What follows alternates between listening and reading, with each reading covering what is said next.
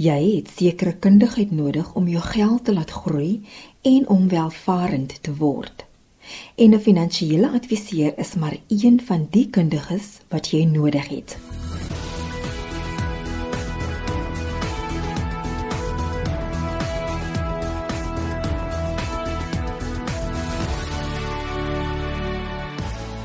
Ek is Olivia Sambul en jy luister na Rand en Sent op RSG 100 tot 104 FM. Rikke Snell is 'n geakkrediteerde finansiële adviseur by PSG Wealth in Kaapstad. Hy sê die uitwerking wat wetgewing op jou finansiële welvaart het, moet ook in ag geneem word en talle kundiges moet daarmee help. Ons wil net sê wetsontwerp is 'n deurlopend aktiwiteit in enige land en in Suid-Afrika is ons wette is baie baie gevorderd. As ons ons belastingwetgewing vat, is dit heel moontlik van die mees ingewikkeldste belastingwetgewing in die wêreld. Selfs belastingkundiges vind dit uitdagend en weer eens dan word daar menings geskryf en opinies geskryf en éventueel word daai opinies, jy weet as daar 'n dispuut is, eers in die hof beslis. So Dis nie te sê as iets in 'n wetsontwerp is, dit is absoluut wit en swart nie. Daar's steeds diskresie oor hoe daai wet toegepas word ensovoorts. Daar is natuurlik professionele persone wat hulle self daarop toespits om wetsontwerp te verstaan en die implikasie daarvan binne in sekere organisasies aan ander mense uit te wys. Adviseurs uh, neem natuurlik kennis van wetsontwerp want dit is deel van ons deurlopende ons noem dit nou maar CPD, maar dis dit is jou continuous professional development program.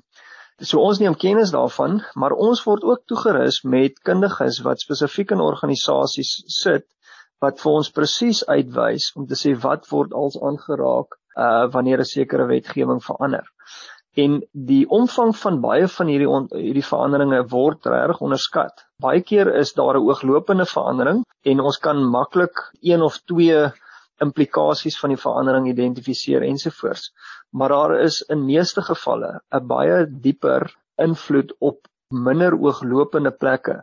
En al wat ek sê is net is die adviseurs in Suid-Afrika word ontsettend goed bygestaan deur produkverskaffers nommer 1, maar ook binne in hulle eie organisasies deur tegniese ontledingsspanne, regspanne ensovoorts om wetsontwerp se implikasie binne die adviseursomgewing vir die adviseurs dan uh, duidelik te maak om dit dan vir hulle kliënte aan te gee. Uh belasting en wetsveranderinge het diep liggende of diepgaande uh veranderinge en soms is dit waterskeidingsveranderinge wat net eenvoudig beteken hoe ons dit in die verlede gedoen het, mag jy dit nie meer in die toekoms doen nie of is onprakties om dit in die toekoms te doen.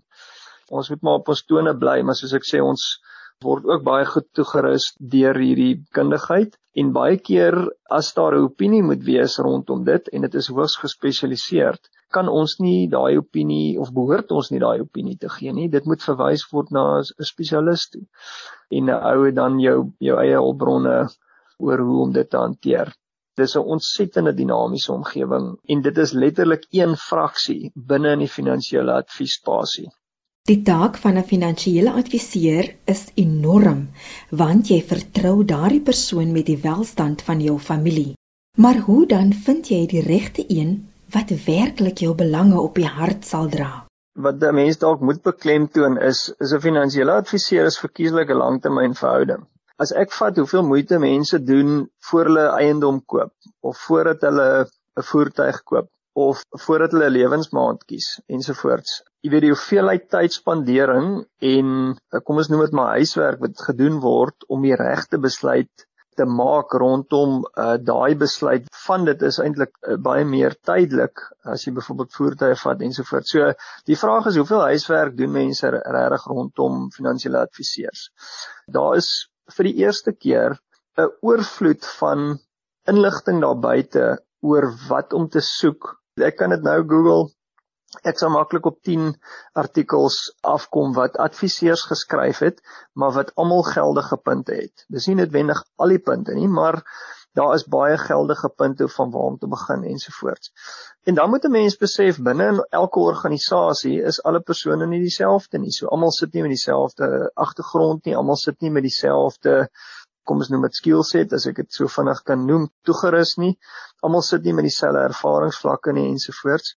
En almal sit nie met dieselfde persoonlikhede nie. So ek dink dit gaan maar letterlik as iemand ernstig is rondom dit, is daar 'n mate van huiswerk wat gedoen moet word en ek dink as 'n mens ernstig is en van daai punte en riglyne gebruik wat verskaf word, kan 'n mens redelik vinnig uh, die kaf van die koring skei. Ek dink tot 'n mate moet jy ook uh, binne in organisasies gaan kyk watter organisasies het 'n goeie uh, track record as ek dit kan noem. Heelwat van die organisasies het 'n gemengde track record. As ek luister na mense se ervaring wat by my aankom. So mense kan uh, persoonlike verwysings gebruik, mense wat hulle mee gesels ensovoorts om te sê maar as hulle by adviseer kom byvoorbeeld kan jy adviseer vir vir die persone dalk van sy kliënte as verwysings aanbied om te sê maar hoor jy praat met die mense en en hoor wat is die diensvlak wat is die ervaring ensovoorts wat is die kundigheidsvlak van die adviseur. Dit kom nie van self nie dit dis bygesê maar ek dink dit is so moeilik om by 'n handvol kundige adviseurs dan uit te kom en dan te gaan besluit met watter van hierdie adviseurs is hy ou bereid om 'n pad te loop. Soos ek sê dit gaan nie werk om by iemand te wees wat jy ook nie regtig mee oor die weg kom nie wat jy nie voel die persoon se waardes heel moontlik uh belyn is met jou eie waardes nie met jou eie geldwaardes nie. Ek dink dit is maar 'n pad. Die grootste probleem hiermee is mense wag te lank voordat hulle daarmee begin. Mense is geneig om dit te wil doen relatief naby aan aftrede wanneer die die prys wat hulle sal betaal om 'n verkeerde verhouding aan te knoop absoluut enorm is Verskeie faktore bepaal die sukses van 'n finansiële adviseur, maar 'n goeie verhouding kan slegs op die langtermyn gebou word. Ek dink, jy weet, 'n tydige begin, uh daai huiswerk te doen, 'n uh, adviseur uit te kyk oor tyd en die resultate wat hy of sy lewer en 'n gevoel te kry van wat is die persoon se kundigheidsvlak. Ek daar is net nie 'n vervanging vir kundigheid in ons industrie nie. Ek het net nou sommer as inleiding net met jou gesels oor jy weet hoe ons ook toegerus word om sekere goeders te moet verstaan en te probeer kop en stert van stert uitmaak in terme van uh, wetsontwerp, in terme van belastingkundigheid, in terme van produkontwerp. Verstaan nie adviseer hoe mense reageer, wat mense se behoeftes is. Kan nie adviseer goed kommunikeer met sy kliënte. Kommunikasie is baie keer om te luister eerder as om te gesels en te praat. So is iemand sensitief vir kliënte behoeftes en dan jy weet natuurlik kliëntediens is nog 'n ding wat 'n mens kan by verbykom. COVID-19 het gelei tot ontsettende onsekerheid, maar waar begin jy te midde van alles om jou finansies weer te herbou? Elkeen van ons het 'n finansiële padkaart nodig. Ek sien so iets dat ons almal is op op verskillende finansiële reise. Ons het 'n sekere bestemming. Elkeen van ons het, het ons eie bestemming wat ons in gedagte het ons almal is op hulle eie unieke finansiële punt of plek op die oomblik. So dis om te verstaan waar is jy op die oomblik, waartoe is jy op pad, uh, waar wil jy opeindig? Ons weet ook uit ervaring uit dat almal van ons wil gewoonlik as ons met 'n reis op pad is, afhangende natuurlik van die doelwit van die reis, maar in baie gevalle probeer mense die kortste pad vat. En daai kortste pad is nie altyd prakties nie. Daar's nie altyd infrastruktuur nie, daar's nie altyd paaie nie, daar's nie altyd brûe nie. Daar's nie altyd water op die pad nie. Partykeer is die kortste pad so rof en erg dat jy weet niemand die reis geniet nie punt 1 en tweedens nie die die reis gaan klaarmaak nie. So ek dink 'n mens moet 'n realistiese padkaart gaan bymekaar sit om te sê maar wat is die doelwitte? Waar wil ons opeindig? Wat wil ons langs die pad ervaar? Ons kan nie vandag net, jy weet, jou kop in die sand steek en dit eers weer uittrek op op die punt van finansiële onafhanklikheid nie. Ons het gesinne om ons, ons het loopbane om ons.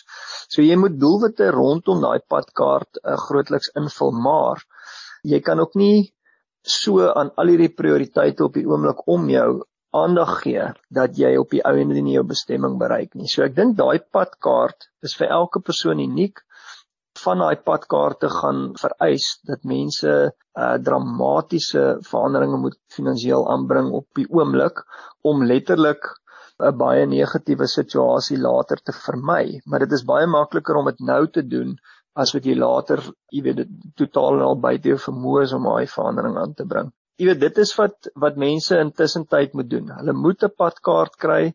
Hulle moet verstaan wat is hulle risiko's. Hulle moet verstaan waar is hulle finansiëel? Wat is die veranderinge wat hulle miskien moet aanbring nou? Hoekom doen hulle dit ensovoorts? En dan bly 'n ou op daai op daai padkaart. Die padkaart is jou finansiële plan wat die rigting na finansiële welstand aandui maar dit moet aangepas word soos wat jou omstandighede verander. Die padkaart bly 'n werk in proses. Doelwitte kom by, doelwitte val weg. Werksomstandighede verander, loopbane verander, familiebehoeftes verander ensovoorts ensovoorts. So daar's geen plan of padkaart wat jy vir 'n persoon nou kan neersit en sê luister, maar hierdie is die volgende 30 jaar uh die roete wat jy gaan volg nie. Dit is absoluut 'n werk in proses en die adviseur se plig is om aan boord te bly met die kliënt om te sê maar uh ons weet waartoe ons op pad is en wil opeindig, maar ons verstaan oor tyd gaan daar dinge, jy weet letterlik klippe in die pad gerol wees wat dit gaan moeiliker maak miskien om daar te kom of makliker. Maar uh dis 'n werk in proses ons moet die padkaart aanpas volgens menslike behoeftes. Op die einde van die dag werk ons met mense, ons werk met bates ook. En daai bates moet goed versorg word, maar op die einde werk ons met uh, menslike behoeftes wat deurentyd verander. So 'n mens moet daai huiswerk gaan doen. Jy vra wat doen ons nou? Ons moet tussen krisisse, moet ons die huiswerk doen en ons moet die padkaarte kry. Dis Rike Snell, geakkrediteerde finansiële adviseur van PSG Wealth. Ek is Olivia Sambo vir Rand en Sent, RSG 100 tot 104 FM. Stuur 'n e-pos na randencent.rsg@gmail.com of stuur 'n WhatsApp teks of stemboodskap na 076 536 6961. Luister ook saam op die DStv kanaal 813 of luister aanlyn by www.rsg.co.za waar jy ook die program kan aflaai. Die doel van die nasionale kredietwet is om sosiale en ekonomiese welstand vir alle Suid-Afrikaners te bevorder. Charles Gill is die prokureur en skuldberader van Charles Gill en Vennote in Somerset Wes. Hy sê die onduidelikheid oor die praktiese toepassing van die nasionale kredietwet het alreeds gelei tot talle hofsaake wat uiteindelik verbeteringe in die wet teweeggebring het.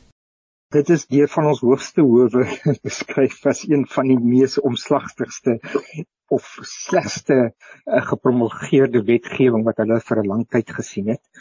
Dit het in volle werking getree in 1 Junie 2007. So met die jare gelukkig deur 'n klomp hooggeregs of uitsprake, appel of uitsprake en selfs konstitusionele of uitsprake, het daar baie meer duidelikheid omtrent die praktiese toepassing van hierdie wet. Is daar riglyne neergelê daaromtrent? En ook deur die nasionale kredietreguleerder. Die nasionale kredietreguleerder kom gereeld bymekaar met sekere van die hoofindustrie rolspelers soos die krediteure, die liggame vir die skuldberaders en so voort. En dan word daar riglyne neergelê en ons is ook as skuldberaders verplig om daardie riglyne te hou vir my is die belangrikste ding van die nasionale kredietwet is as ek moet twee aspekte uitsonder is dit die volgende die eerste ene is die doel van die wet en dit was om 'n beter balans te bring tussen die regte van verbruikers en die regte van krediteure. My argument was altyd selfs in die Hooggeregshof waar ek vir verbruikers opgetree het, was my argument altyd maar die krediteure is tot 'n groot mate reeds genoeg beskerm want hulle sit met 'n skriftelike ooreenkoms waar hulle sekere regte kan afdwing. So twee van die grootste aspekte dat daar 'n beter ewewig in werking gebring was tussen die verbruikers en die kredietverskaffers sodat daar 'n meer regverdige speelveld geskep was. Dan die tweede ding wat daarmee saamgaan is die kwessie van roekelose krediet. Dit is ook iets nuuts wat deur die nasionale kredietwet in werking gestel is, want voor dit soos jy en baie van die luisteraars sal weet, het ons gereeld sommer 'n kredietkaart deur die pos ontvang en met 'n lieflike krediet van 20000 plus wat ons kon gaan spandeer soos ons wil. En hierdie nasionale kredietwet het die einde daaraan gebring. Hulle het gesê so ooreenkoms kan nietig verklaar word omdat dit roekelose krediet daarstel. So die krediteure word nou verplig om 'n behoorlike, volledige, bekostigbare toets te doen. En dit doen hulle deur volledige inligting van die verbruiker te bekom, bewyse van sy inkomste, bewyse van sy uitgawes ensovoorts ensovoorts, juis om te keer dat daar roekelose krediet toegestaan word. Die tweede en belangrike aspek wat die wet toegestaan het, is skuldberading. Vir die eerste keer kan 'n verbruiker wat homself nou in daardie posisie van oorverskuldigheid bevind, kan hy 'n skuldberader nader en sê luister, ek ervaar moeilikheid. Ek kan nie al my skuld betyds aan die einde van die maand betaal nie of ek kan nie die volle bedrag op elkeen van my skulde aan die einde van elke maand betaal nie. Dan is die professie van skuldberader spesifiek daar gestel om daardie verbruiker te help by te staan ooreenkomste met die krediteure te bereik en uiteindelik eindig dit met 'n hofbevel deur of die nasionale tribunaal of dan deur die landdroshof. En dan dan is alle partye daaraan gebonde. En dan ten minste kan jou verbruiker maandeliks 'n bekostigbare bedrag betaal wat dan kortliks op 'n pro rata basis tussen die krediteure betaal word. Pro rata beteken maar net daardie ou wie jy die meeste skuld kry die grootste gedeelte van daai hergestruktureerde paaiement. Die nasionale kredietreguleerder is gestig in terme van die nasionale kredietwet en reguleer kredietverskaffers en kredietooreenkomste. Daar's 'n paar liggame, kom ons dit dan nou geskep in terme van die nasionale kredietwet. Een daarvan is die nasionale kredietreguleerder of die National Credit Regulator of die NCR soos mense kortliks sommer daarna verwys. En dit is kom ons sê die oppergesag oor al die kredietrolspelers. So ek as skuldberader moet by hulle registreer. Elke kredietverskaffer moet by hulle registreer. Dan is daar ook PDA's, dis nou dis die betalingsagente wat die maandelikse verspreiding van die skuldberadingsgelde hanteer. Daar is so 4 of 5 van hulle by die nasionale kredietreguleerder geregistreer. So ja, die nasionale kredietreguleerder speel 'n baie groot rol, is so half van 'n oppergesag oor al die rolspelers in die in die krediet bietindustrie en hulle is op by magte om sekere uh, boetes op te lê. Hulle is by magte om enige skuldberader se kantore te besoek, te vra dat hulle daarna leers gekyk word en ook seker te maak dat hierdie skuldberader voldoen aan al die vereistes soos deur die wet en ook deur die regulasies van die nasionale kredietreguleerder opgelê voldoen is. Die nasionale kredietwet bepaal ook dat kontrakte in 'n verstaanbare en eenvoudige taal aan die verbruiker voorgelê moet word. Olivier, dit was ook maar een van die hoofdoele van die nasionale kredietwet en daarmee saamgelees ook die verbruikerswet en dit is juis dat kontrakte in 'n meer verstaanbare taal voorsien moet word en 'n persoon is geregtig op 'n kontrak of 'n ooreenkoms dan nou in Suid-Afrika is dit nou bietjie moeilik want ons sit met 11 tale. Maar ten minste dan in, in een van die hooftale wat in sy omgewing gebruik word jy weet so hy's geregtig om die kontrak in, in daardie taal te ontvang. En dan om weer aan te sluit by die roekelose krediet. Dit is ook roekeloos krediet. Indien jou verbruiker nie verduidelik word wat die uh gevolge is van daardie ooreenkoms nie en, nie verstaan wat die fooie, die rente en die kostes verbonde aan so 'n kontrak is nie. Maar ten spyte daarvan, jy weet hoeveel tyd 'n verkoopsman nou regtig gaan spandeer om daardie fynskrif aan die verbruiker te verduidelik, ek betwyfel dit baie sterk. Volgens die nasionale kredietwet moet al die kostes, rente en fooie op die kwotasies aangedui word. Die krediteur is verplig om vir jou 'n kwotasie te gee. En daardie kwotasie hang nou af of dit 'n klein ooreenkoms of 'n groot ooreenkoms is, jy weet wat dit moet bevat. Maar daarin moet volledig uiteengesit word die hoofskuld wat jy moet betaal, nie net die rentekoers wat jy moet betaal nie, maar ook die totale rente wat betaalbaar sal wees oor die volle termyn van daardie ooreenkoms dit moet uiteensit enige versekering wat verhaalbaar is in terme van daardie ooreenkoms en dan het die verbruiker 5 dae om 'n besluit te maak. Maar nou weet ons hoe werk dit. Daardie verkoopsman hy word geleer. Hy jy sit nou hier voor hom en hy moet sorg dat jy nou daai kontrak lees.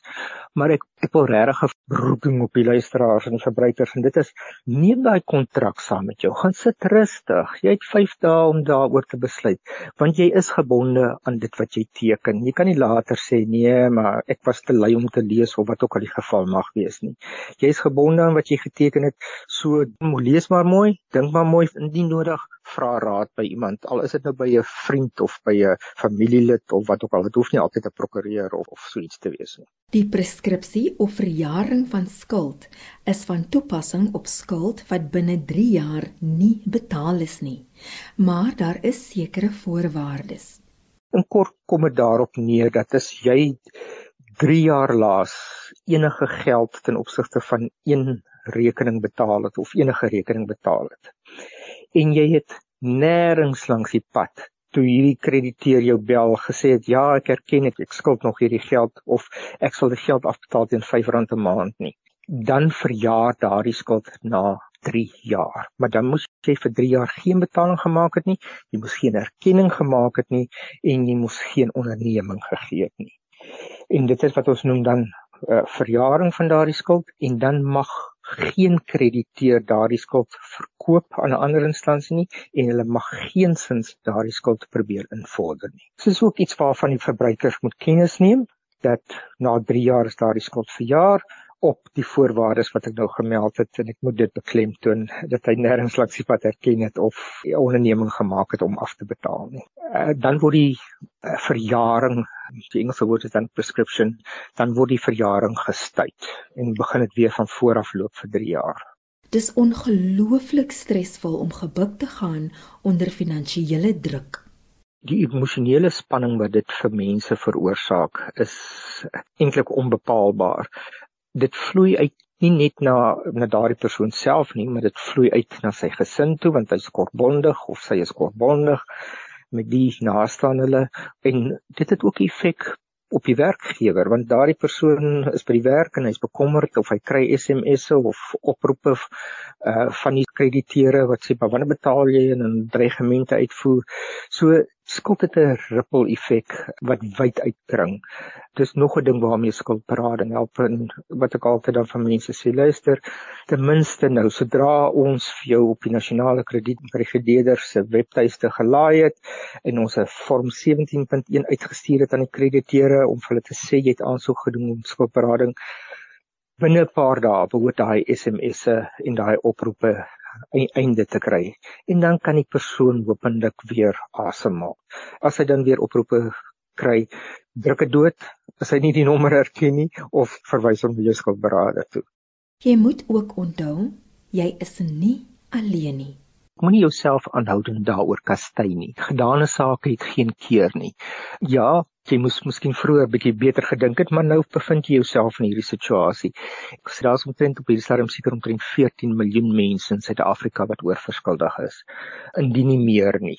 Ten minste by wyse van skuldberading wys jy dat jy wil verantwoording neem vir die situasie waarin jy jouself bevind en nie daai volstres metode waarvan ons voorheen gepraat het nie.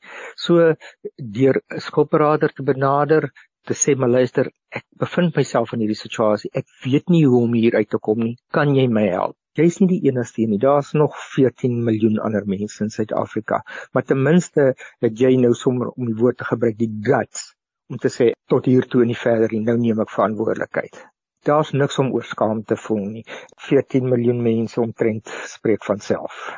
So gesels Charles Geel van Charles Geel en Vennote in Somerset Wes. Ek is Olivia Sambo vir Rand en Sent op RSG 100 tot 104 FM. Bly veilig, dra jou masker en bly by die huis as jy kan. Totsiens tot volgende week.